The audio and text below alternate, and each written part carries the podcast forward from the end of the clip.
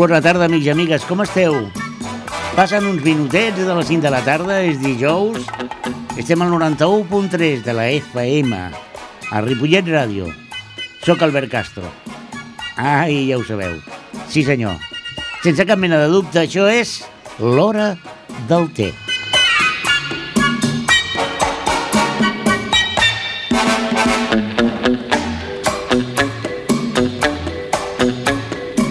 Bé, i aquesta tarda tenim una convidada que hi ha molts motius per als quals eh, la podríem haver portat a, a l'hora del té. Eh, és de les poques persones que jo conec que ha trobat feina. Sí senyor, ha trobat feina i això ja per això només ja caldria eh, un especial de l'hora del té. Però la portem per, per moltes més coses. Merit i Merit, bona tarda. Hola, bona tarda. Eh, Mary és una persona que ha col·laborat, col·labora, i tot i que ara passarà uns dies que no col·laborarà amb nosaltres, ha estat una persona habitual als programes de Ripollet Ràdio. Ha col·laborat a Espai Vital, etc etc. És així, Mary? Sí, sí, sí, sempre m'ha agradat la ràdio i m'agrada, vaja. Doncs molt bé, l'hora del té no podia esca deixar escapar l'oportunitat de convidar-la i de fer-li, abans que res, la pregunta del programa. Té o cafè? Doncs em poses en un compromís, perquè sóc molt, molt, molt cafetera i m'encanta el té i tinc de totes les varietats possibles a casa, o sigui que és que depèn de l'hora. Al matí cafè, sens dubte, i a la tarda moltes vegades té. Bueno, perfecte, 50-50. No, és que estem fent una mena d'enquesta Sí. i la veritat és que guanya, ja no per àmplia majoria, però guanya holgadament el, el cafè. Per això, és que estàvem plantejant el canvi de, de nom del programa, en comptes de l'hora del té, l'hora del cafè. Però bueno, això és un tema que, com ho diem cada setmana, ja no té cap, men, cap mena d'interès informatiu. La Mary, la Mary Jane, com, t'agrada que et diguin? Mary Jane, Mary... Bueno, depèn de l'època de la meva vida m'ha dit més gent Mary, altra gent Txell... Eh, no sé, no sé, depèn, perquè cadascú, depèn de com els he conegut, doncs després em costa molt que em canviïn el nom, no? O sigui que, Ja. com tu vulguis, la Que a, veritat. a, tu et passa una mica com el Cesc Fàbregas, no? és a dir, que té un nom complicat i que a vegades... Sí, la gent l'escurça i llavors et diuen com et diuen, sí. Doncs si no et sap greu, jo et diré Mary. Molt bé. Eh, bé, la Mary, la Mary Jane, la Jane, eh, és una persona que, que té moltes particularitats. És una dona intel·ligent, és una dona eh, activa, però també és una dona que des de, des de molt temps ha patit una discapacitat. Eh, la Mary és una persona invident. Des de quan, Mary? Des de sempre, des de que vaig néixer. Bueno, això és un avantatge o un inconvenient? Un avantatge, sens, sens dubte. Sí, sí. És ceguera total, la que tu tens? Sí, veig la llum i això m'ajuda una miqueta, a vegades per situar una finestra, per, per orientar-me una miqueta, a vegades va bé. I, però, bueno, el de més, doncs, eh, és, és total, sí, realment. Vas néixer aquí a Catalunya? Sí, vaig néixer a Igualada, Ah, mira. sí. Molt bé, i suposo que al moment del... Els teus pares sabien que naixeries amb aquesta discapacitat o No, no, no. va ser sobtat? Ho van saber, doncs, bueno, clar, els bebès no se'ls acaba de notar molt si veuen o no fins que no passen unes setmanes, no? I, bueno, se'n van anar adonant de que alguna cosa passava i jo tinc glaucoma congènit. El glaucoma, doncs, és que tens massa pressió intraocular dintre els ulls i llavors, doncs, bueno, eh, van començar a fer proves i veure què passa. Ningú sabia fins a quin punt hi veia alguna cosa o no, fins que, bueno, van anar passant els mesos i se'ls hi va certificar que efectivament jo no hi veia i que era molt difícil que hi hagués alguna cosa que, que pogués fer que hi veiés.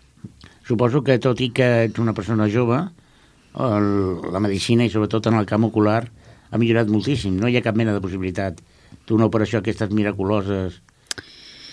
Actualment, en el meu cas concret, no. Eh, perquè, bueno, el meu ull està molt, molt danyat i, i llavors, doncs, bueno, hauria de ser una cosa com molt, molt, molt, molt bèstia, no? Eh, a part, mm, clar, pensa que jo sempre dic que jo no tinc la base de dades de les imatges en el meu cervell. I això significaria aprendre a veure-hi. És a dir, mm, quan tu... Bueno, jo crec que s'entén més amb els sons, no? Quan una persona sorda, profunda, per exemple, li poden posar un implant coclear perquè pugui sentir-hi una mica, al principi eh, es torna una mica allò boja perquè no distingeix els sons, no sap si aquell so és d'aigua o de què és, no? Doncs en el meu cas passaria una mica el mateix. Eh, quan tu no hi has vist mai, la gent es pensa que el, el que tens al cap contínuament és que vols veure-hi i que buscaries la manera de veure i tal, però en realitat jo no... Home, a veure, si això no em suposés, si algú em certifiqués que demà hi veuria i que les coses serien fàcils per mi, doncs, bueno, potser sí, no? Però si m'hagués de suposar diverses operacions, no saber el què i després haver d'aprendre a veure-hi durant molt, molt, molt de temps perquè has d'aprendre a, a reconèixer eh, els objectes... Això, bueno, hi ha una pel·lícula que es diu eh, eh, A primera vista, Sí. que és molt recomanable per entendre això, perquè és, és, és realment el noi quan l'operen, doncs eh, el pobre és que no reconeix la gent, no reconeix les coses, la perspectiva, veure les coses en perspectiva, no pot llegir, òbviament, el tema del moviment, totes aquestes coses és com començar de zero, no? És curiós perquè, eh, bueno, jo t'entenc perfectament perquè d'alguna manera o una altra jo també tinc algun tipus de discapacitat i, i, però és curiós perquè quan, quan parles amb la gent no? I, i a vegades a tertúlies doncs, oh, jo el que no suportaria una cosa que no podria eh, mai de la vida seria quedar-me cega com, Sí. valoren com la ceguesa una de les pitjors discapacitats que poden haver-hi Uh -huh. i sorprèn una mica, els que et coneixem i els que hem conviscut amb persones invidents, eh, sabem que això és una, que és una constant, que tu diguis que, home, doncs mira, eh, veure sí, però, escolta, qualsevol preu no. Això pot sobtar a molta gent, és així, mm. realment. Sí, sí, jo no ho dic per dir, vull dir, a veure, clar, si jo demà eh, pogués veure i, i, i sapigués que tot el que ve per davant doncs, seria mínimament fàcil, d'acord, però si jo ara he d'interrompre la meva vida eh, durant molt de temps amb això, amb operacions, amb no sé què, que ningú em garanteix res, i que després tot això eh, no se sap ben bé a on em porta, doncs no ho sé, no ho sé si voldria, perquè la veritat és que ara ho he après a fer tot sense veure-hi. I realment, doncs clar, eh, quan tu no hi veus, i tu, per exemple, vas amb un bastó pel carrer i tal, la gent sap que no hi veus. Però imagina't que ara tu hi veus de cop i... Eh, bueno, jo hi veiés de cop, al cap d'uns mesos, no sé, no sé fer anar, per exemple, una màquina espanadora eh, de manera visual, no? Perquè no ho sabria fer, ho sabria fer de manera si és accessible de manera tàctil, amb el brall, amb el sol, o que sigui, però de manera visual. Si tu demanes ajuda amb algú, aquest algú pot ser que no entengui que tu no... O sigui, el que t'està passant és que, que, clar, òbviament no saps fer allò, no? O no saps reconèixer un objecte, o no saps reconèixer, unes lletres, no? Tot això és, és, és començar absolutament de zero. I, home, sí que és veritat que té moltes avantatges veure-hi, però mm, fins a cert punt... bueno, és que a mi no... És una cosa que no em treu el son, en absolut. La Mary Jane té coses més importants de la vida que no preocupar-se de Sí. dedicar-se només a la búsqueda de la recuperació de la seva discapacitat. Sí, sí, sí, sí. Tot i que això pugui sobtar, però... Miri, eh, com, com va... Eh, tens germans, germanes? Bé, sí, tinc un, tinc un germà que és un germà per pare de pare i té ara mateix 15 anys. I com va encaixar la teva família el fet de que tu tinguessis aquesta discapacitat?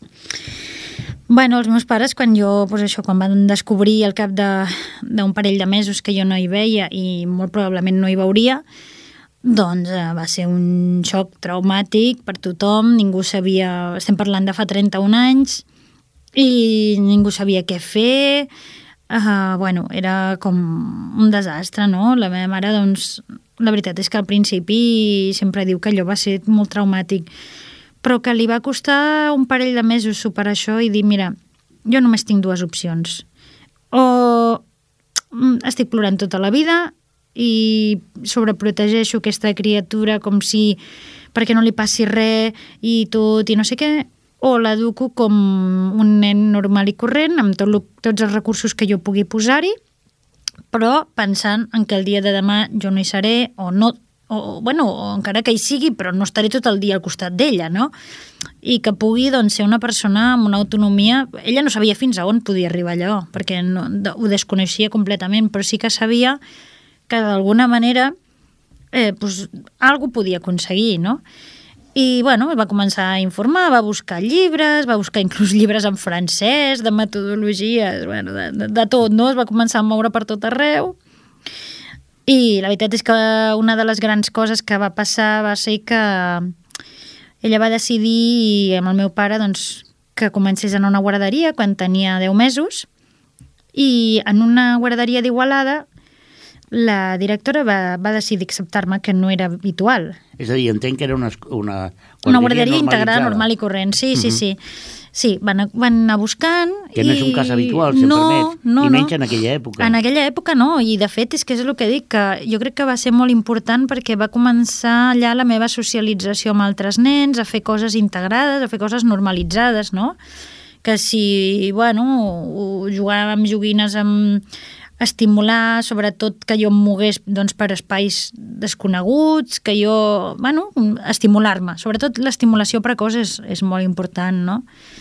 I a partir d'aquí, doncs, bueno, ja va, la cosa va anar a millor i hi ha una anècdota bastant, bastant divertida que forma part d'aquesta part d'acceptació dels pares o no acceptació, no? Que un dia la meva mare diu que estava en una oficina de la Caixa i ella m'estava dient, quan jo ja tenia un anyet i pico, que ja començava a parlar o a entendre, no?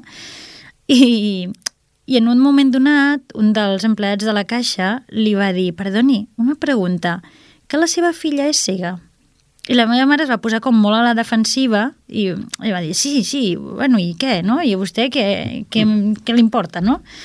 I li va dir, vingui, vingui, que li vull comentar una cosa. Llavors nosaltres vivíem a Igualada, com deia, i aquest senyor li va dir que a Barcelona eh, la Caixa tenia un centre d'estimulació precoç de nens eh, secs i sords.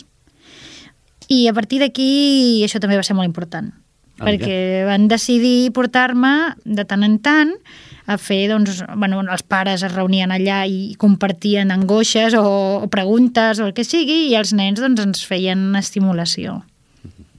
I la teva escola primària va ser una escola també normalitzada?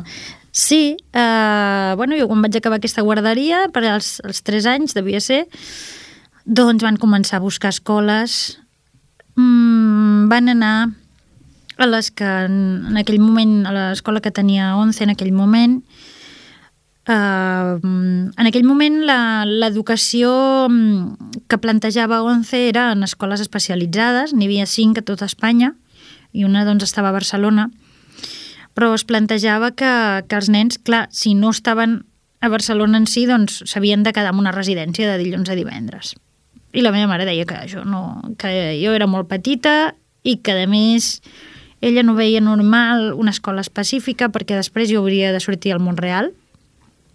I, home, per una banda deia, ostres, doncs sí, li ensenyaran el brall, li ensenyaran coses i tot això, però per una altra banda no acabava de, de veure clar, no? I van anar buscant, buscant, que si escoles de monges, que si escoles de no sé què, que, bueno, ningú volia acceptar perquè era una cosa que no tenien gens clara, que els hi feia por, que, bueno, desconeixement, a més legalment no estaven obligats, i al final, doncs, l'Ateneu Igualadí, que és una escola que és bastant progressista, doncs em va acceptar, va acceptar el repte, i ella, que vamos.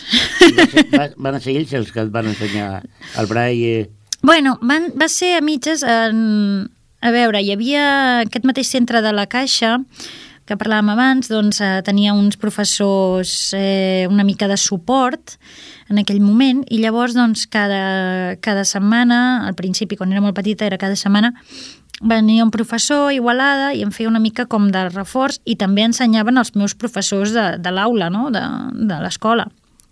I la meva mare també em va aprendre, em feia contes, en relleu i en brall i tot, perquè eren cosetes doncs, molt senzilles, no? Que si, bueno, no sé, la mama, no sé què, bueno... I, i vaig anar aprenent i, bueno, tots anàvem aprenent, perquè jo aprenia, perquè era una nena que havia d'aprendre Igual que els altres nens aprenien que un dibuixet era la A, jo aprenia que uns puntets eren la A, i tota la meva família doncs, anava aprenent a la vegada com ensenyar-me, no? Una pregunta, perquè eh, un dels objectius de, del programa d'avui és una mica conèixer, eh, perquè eh, sí que és veritat, i suposo que tu t'hauràs trobat, fa una mica com de vergonya, no? Preguntar tot allò que no coneixem d'una mm -hmm. persona que té una discapacitat com la teva, no? Eh, a veure, imaginem, mm, com dius, vas néixer amb aquesta discapacitat, et va costar més caminar, per exemple, que altres nens? Perquè uh -huh. un nen invident, clar, no pot caminar, no? Perquè com camina, com aprèn a caminar un invident? Uh -huh. tu, tu penses que et va costar més o menys que altres, que altres nens? Doncs, en principi, a la meva mare li van dir Eh, bueno, allò que és que a més la sabidoria popular i aquestes coses, i a més fa, fa temps doncs encara era més així, no? que els nens secs començaven a, a caminar sobre els 3 anys i tal, i és curiós perquè el meu company, que també és sec, més o menys li van dir el mateix als seus pares, no?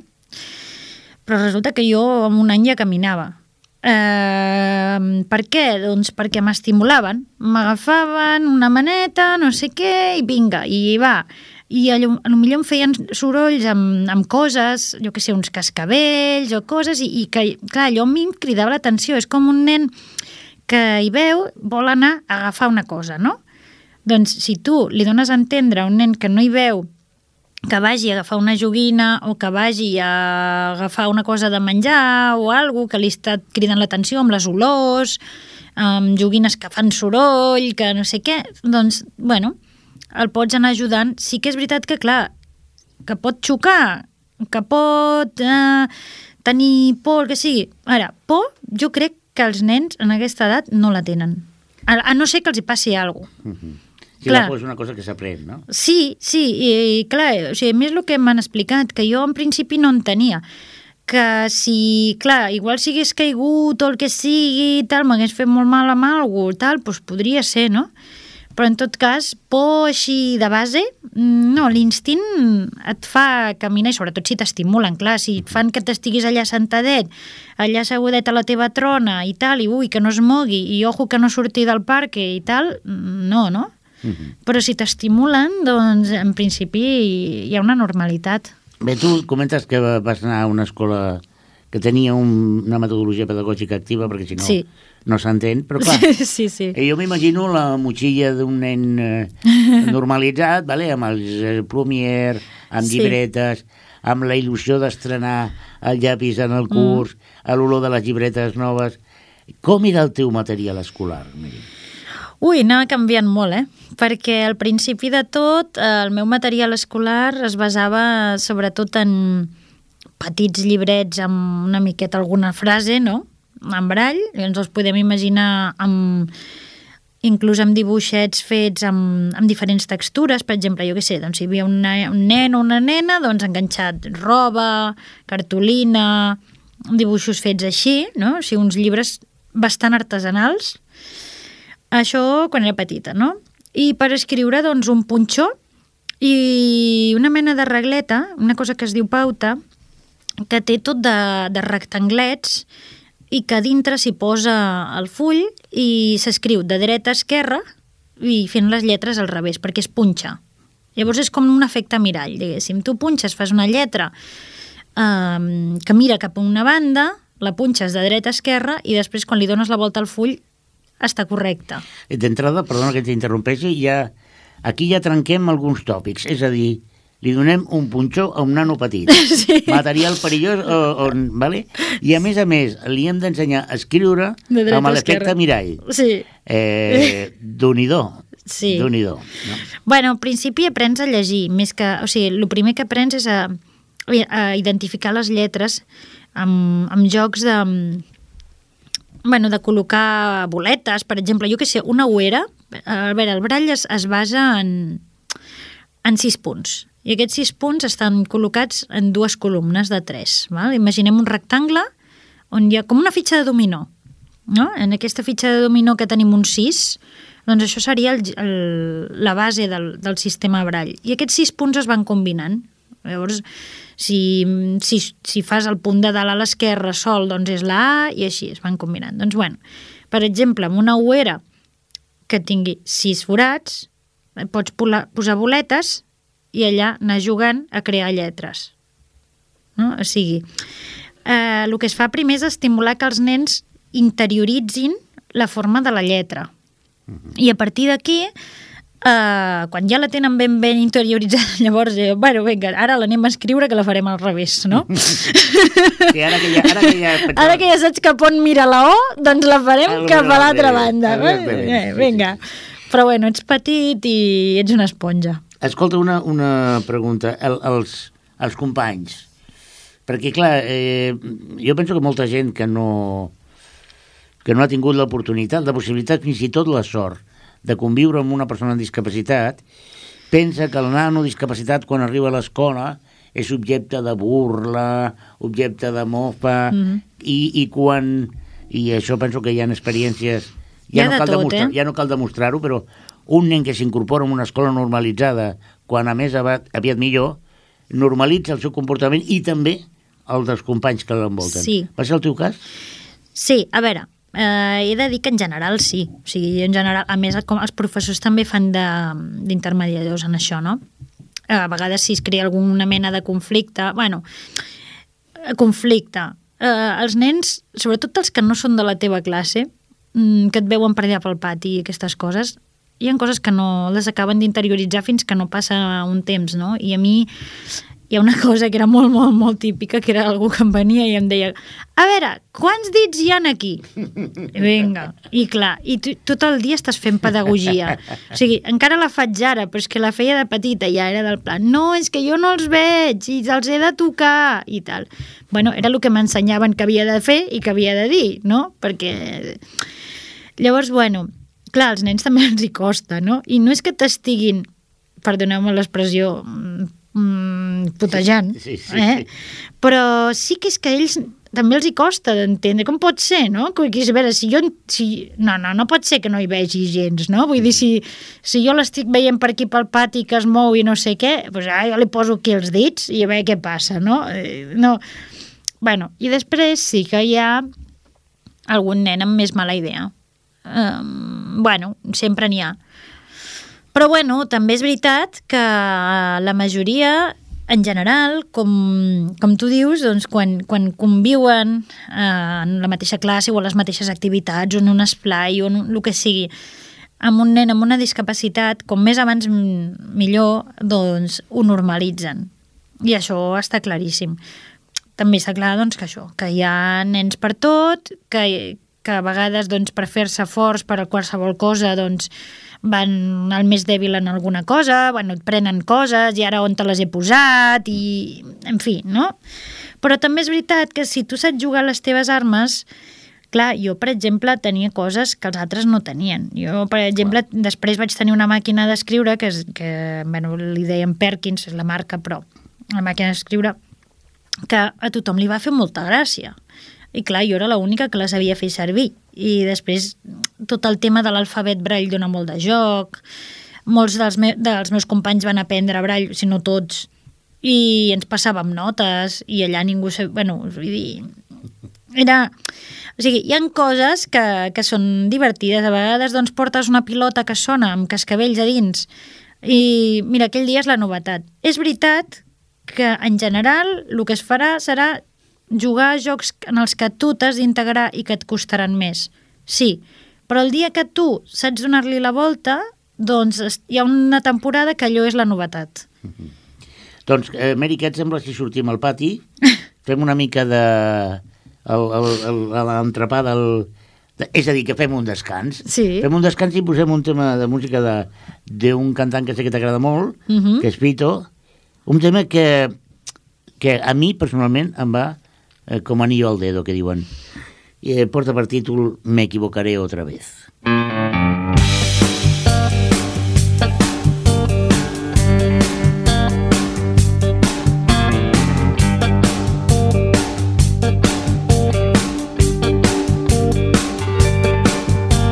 Se torció el camino, tú ya sabes que no puedo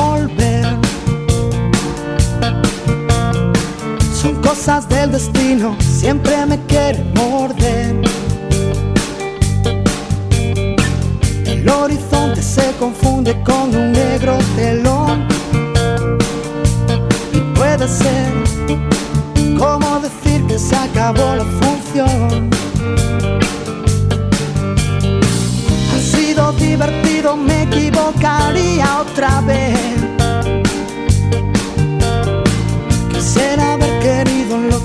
Sabido querer. ¿Quieres bailar conmigo? Puede que te pise los pies. Soñaré solo porque me he quedado dormido. No voy a despertarme porque salga el sol. Me llorar una vez por cada vez que río. No sé restar. No sé restar. Tu mitad con mi corazón.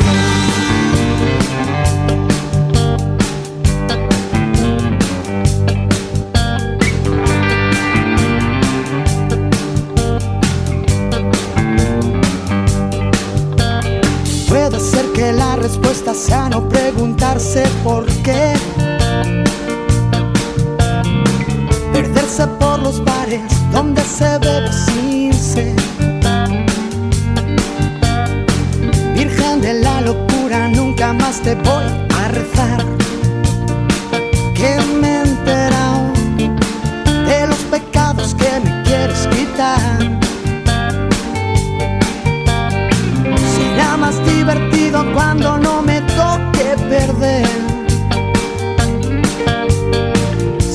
Apostando al 5 y cada 2 por 3 sale 6.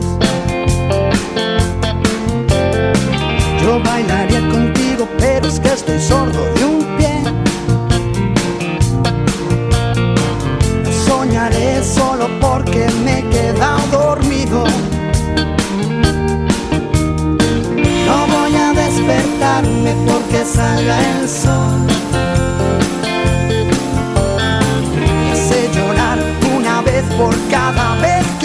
Que río. No sé restar. No sé restar. Tu mitad con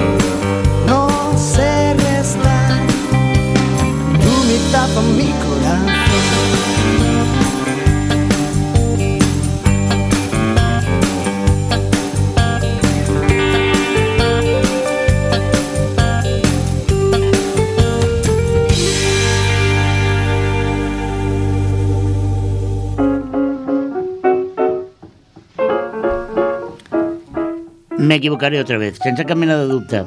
Estem parlant amb la Mary i ens està explicant moltes coses. A veure, hi ha una cosa eh, que... una habilitat que teniu els, els, els, els invidents, vale? que és la capacitat d'aprendre els espais. És a dir, a veure, eh, perquè no conegui la Mary, la Mary, com deia abans, porta un bastó blanc, eh, no només per identificar-se com a invident dintre la societat, sinó també és una eina que ella utilitza per evitar obstacles. No? Però, escolta, com apreneu els espais on aneu? Bueno, això Hi ha alguna tècnica per fer-ho o, o, o és una mica innat? Eh, va a persones, també, eh? Sí que és veritat que eh, de manera innata tu aprens a detectar pel so i per, per moltes coses una mica com és l'espai on estàs. O sigui, tu notes, i no saps per què ho notes, però notes coses, per exemple, vas pel carrer i de cop notes que allà hi ha una cantonada sense haver de tocar la paret. Notes que, que hi ha un creuament, que hi ha un... que gira, que pot girar, no? Això és perquè deixes de notar la, la paret a prop teu. És una, és una mica el sistema dels ratpenats, mm -hmm. perquè ens entenguem. O sigui, però no és una qüestió que facis conscientment, és una qüestió de que tu um, de cop deixes de notar-ho i dius, ah, noto que ja no hi ha la paret, no? Però no saps ni com has adquirit aquesta habilitat. Això és una petita cosa, no?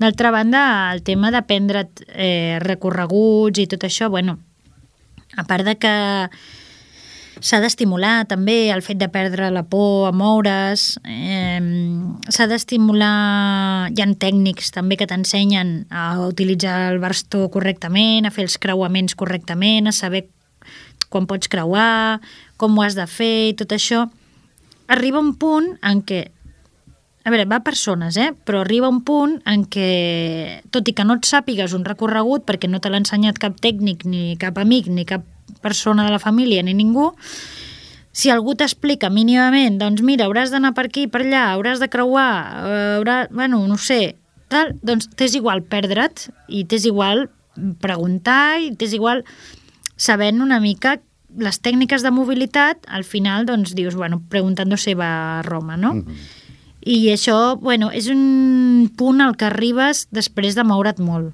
Això és així. No, no, és, és ben cert. A més a més, eh, parlant amb un altre company, molt amic meu, també invident, m'explicava que eh, tot allò que estava explicant la Meriana, ell l'anomenava la visió facial. És a dir, com que les galtes servien una mica com a receptor, no? I que i parlava exactament el que tu estaves dient, no? Mm. Aquell, aquella sensació, i que fins i tot em deia, qualsevol persona que presti una mica d'atenció i que tanqui els ulls i camini cap a una paret, sí. si no va massa ràpid se n'adona sí. que està a punt de topar amb la paret. Sí, sí, sí, diuen que és, eh, no és només la qüestió del so, és també la pressió de l'aire, són moltes coses i realment funcionen. Vull dir, jo fins que no vaig ser mínimament adulta i vaig començar a entendre que això científicament tenia una explicació, no, no m'havia parat mai a saber per què jo quan passava per un lloc i hi havia un portal que era més, més fons o menys fons, jo ho sabia. O sigui, fins jo tot, ho sabia. Fins i tot les persones aproximadament que poden haver-hi en un espai i les mesures de l'espai. Sí, les mesures de l'espai, sí, perquè tu a vegades entres en una habitació, en un menjador, en una casa que no coneixes i saps com és de gran allò. Ho saps. O sigui, és una qüestió que ho notes. El que passa que hi ha vegades que hi ha coses que enganyen, perquè, per exemple, en una mateixa casa, quan no sé, a casa meva, no? Jo quan vivia amb els meus pares, doncs el dia que treien les cortines per rentar-les, per dir alguna cosa, les cortines absorbeixen molt el so. O el dia que es treia algun moble del mig, per Clar. lo que sigui, llavors jo entrava i deia, ui, aquí ha passat alguna cosa. No sabia què era allò ho notava com una mica més gran. I no era veritat. Era simplement que s'havia fet algun canvi que afectava el so, no? Però és una cosa que tu no saps què passa, no, no saps ni, ni com ho notes, ni, ni realment què és el que falta o què és el que... No? Però, però sí, sí. És, I fins i tot quan parles amb algú, clar, eh, eh, els que estem enganyats per la vista, eh, mirem, bueno, és que no sé què té la seva cara, la seva mirada... Vosaltres, a nivell de matisos de, de veu, també podeu... Bueno. Pot haver una persona que diguis, mm, és que té una veu que no m'acaba a mirar. Sí, però això és molt enganyós, eh? Jo amb això sí que discrepo una mica. Mm, a veure, si una persona amb la veu et pot dir moltes coses, et pot donar a entendre que està nerviosa, et pot donar a entendre que està trist, et pot donar a entendre que és una persona mm, insegura o jo què sé, o, o pot ser una veu que t'agradi o no, però d'aquí a que físicament et digui alguna de la persona, jo crec que no. Perquè és que les veus són, o sigui, són a gustos colors no tenen res a veure amb, la, amb el físic. Escolta, ara que no ens escolta ningú gairebé, Eh, és veritat aquest mite de deixa'm que toqui la cara per veure com és? Perquè mm, no és un viejo truco per a... O, o realment poder... Eh, serveix d'alguna cosa tocar la cara d'algú? Aviam, Et dona alguna informació? a mi no. Eh, però sí que he de dir que, clar, a veure, també és molt diferent la gent que no hi ha vist mai i la Clar. gent que hi ha vist. Hi ha gent que hi ha vist i que per lo que sigui, mm, doncs, o no ho té ben acceptat o simplement té aquesta necessitat de tenir molta més informació. Mm, Informació del, o sigui, de lo que és, com és la cara d'una persona i tal. A mi és que és una cosa que no necessito. Mm, I, bueno, no sé, eh, la veritat és que no, no ho he demanat mai de fer, no? I, I la veritat és que quan algú vol fer em quedo com xocada, no? Perquè sí que hi ha algunes persones que volen fer-ho, però també és veritat que acostumen a ser persones que no tenen moltes habilitats socials. Clar. Quina manera més elegant de dir que només els estúpids... No, A veure, hi ha, ja, No, ja, veure. no, ho he dit jo, ho he dit jo. Hi ha moltes coses que et vull preguntar, Mary. Eh, la Jane, per qui no ho sàpiga, és periodista, va fer la carrera de periodisme i m'agradaria parlar de la seva experiència periodística eh, perquè et va ser, tu penses que et va ser més difícil o igual de difícil que el, la resta dels teus companys? Bueno, no, la carrera jo crec que igual. Sí que hi havia alguna assignatura tipus fotografia o eh, televisió en la que jo havia de formar part de l'equip mm, dels equips que es feien, dels grups, i fer la part que podia fer. O sigui, jo quan fèiem televisió doncs estava la part de so, eh, estava de presentadora, estava la part de, de guió, tot això, òbviament, mm, el dia que em tocava agafar la càmera, doncs aquell dia no agafava la càmera, tornava a repetir una de les coses que ja havia fet. Però és que, a veure, és a dir, no tothom pot fer de tot, mm, i, Per descomptat. i ja està. I en un equip de televisió que normalment els grups a la facultat, quan es feia algun programa de televisió, alguna pràctica, érem 10, doncs imagina't, si es necessitaven gent per fer coses, no? Amb la fotografia, doncs igual. Pensar de què farem el reportatge, trucar en aquest, en l'altre, buscar què hem de posar al decorat, eh, el revelat, els líquids que necessitem, saber la història de la fotografia, tot això ho vaig haver de fer igual. L'únic que no feia era fotos. Mhm. Ara te'n vas a Madrid perquè has trobat feina. Sí. Bueno, he de dir que la Mary no és pas la seva primera feina. No. Ens podries parlar una mica de, de què faràs i una mica com has arribat a poder fer el que faràs a Madrid? En què consistirà la teva feina? Bueno, um, jo per sort em considero una persona que he tingut molta sort amb el tema de la integració laboral. Mm, quan vaig acabar la carrera vaig, estar, vaig formar part d'un projecte amb uns companys d'una productora audiovisual on vam crear una empresa i va durar doncs, dos anys i mig fins que vam decidir que era una empresa doncs, que, no, que rentablement no podia ser perquè era una, bueno, una empresa petita que davant de, de les grans empreses de producció audiovisual doncs, no podia ser. No? Això ja va ser una primera experiència professional. Després vaig ser responsable de comunicació d'una ONG durant tres anys en el gabinet de, de premsa i, i bueno, portava la informació de la web i tot això. Vaig poder participar en projectes internacionals de la ONG i tal. I mentre acabava aquesta feina van sortir unes beques per fer un màster eh, sobre accessibilitat web i accessibilitat tecnològica. I a mi em va agradar molt la idea, vaig demanar la beca, vaig fer el màster online, a distància, per la UOC, durant dos anys, i mentrestant, en aquest impàs, doncs a la ONG tampoc eh, bueno, es van quedar sense finançament per tenir gabinet de comunicació i jo vaig passar a treballar en una empresa que es deia Com Access, Comunicació Accessible, i vaig treballar per, per museus, eh, exposicions, bueno, fent accessible per persones amb discapacitat, museus, exposicions, etc. I també un portal web de turisme accessible. I allà doncs, vaig començar a adquirir experiència en webs i, i bueno, jo seguia fent el màster. Bueno, aquesta empresa també, malauradament, per la crisi, ha hagut de tancar. Jo el 30 de juny em vaig quedar a l'atur. Ja havia acabat el màster, també. I, bueno, vaig començar a buscar feina, com molta gent ara, malauradament. I, i bueno, fa pocs dies doncs, vaig tenir l'oportunitat d'anar a una entrevista a Madrid per una empresa que es dedica precisament a l'accessibilitat web. És una gran empresa líder en aquest sector, o sigui, el que fan és assessorar sobretot a administració pública i a grans empreses sobre com han de fer les seves pàgines web perquè tothom hi pugui accedir correctament i perquè acompleixin la legislació.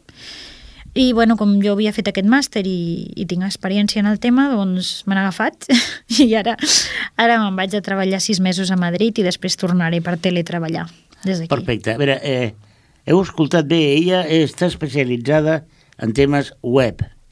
El web és un tema molt visual, és a dir, eh, la informàtica, eh, els gadgets, tot va eh, molt visual, molt visual i molt tàctil, no? Els tablets famosos, el, els nous telèfons. Mary, eh, podries explicar-nos breument la tecnologia, les noves tecnologies, com t'ajuden al dia a dia? Sí, uh, bueno, per començar cal dir que les persones cegues ens ajuda moltíssim, perquè, o sigui, fins... Clar, jo quan vaig començar la carrera va ser quan vaig començar a utilitzar, ja podíem començar a utilitzar un ordinador i internet, i vaig poder començar a accedir a un diari, per exemple, no? Com ho faig? Doncs eh, accedint a internet o a un ordinador amb un programa que llegeix la pantalla en veu, amb una veu una mica robòtica, però en veu, no? Eh, llavors, clar, això ens ha obert un ventall de possibilitats. Clar, 20 anys enrere jo no hagués accedit a aquest diari. Eh, no, no hagués pogut tenir la mateixa integració laboral que tinc ara, no? Això ja és una gran cosa. O ja quan dic un diari puc dir també doncs, fer la compra per internet al Mercadona o al no sé què, o mirar les entrades de cinema, Sí, tots els avantatges llegir que t'ofereix llibres online, o sigui, bueno, milers de coses que és que és, és, algo, és un ventall que no, que no s'acaba, no? Eh, clar, això, per una banda, amb un ordinador normal i corrent, convencional, doncs ha anat evolucionant, les pàgines web cada vegada estan millor perquè aquests programes les puguin llegir, i, i bueno, doncs en aquests 12 anys han, han anat evolucionant tot això moltíssim, com sabem, no? Però a part també els telèfons mòbils doncs també s'estan començant a adaptar a que hi ha usuaris que no poden veure la pantalla, no? I, per exemple, una gran notícia és que la marca Apple, eh, els famosos iPhones i iPads i tot això, de sèrie ja venen amb un programa instal·lat que el que fa és llegir-te la pantalla, tu l'actives, tothom que tingui un iPhone 4 o 4S o 5 o un iPad té aquest programa. Si, si va a accessibilitat, i va als, als ajustes i tot això, hi veurà una, una pestanyeta que posa accessibilitat.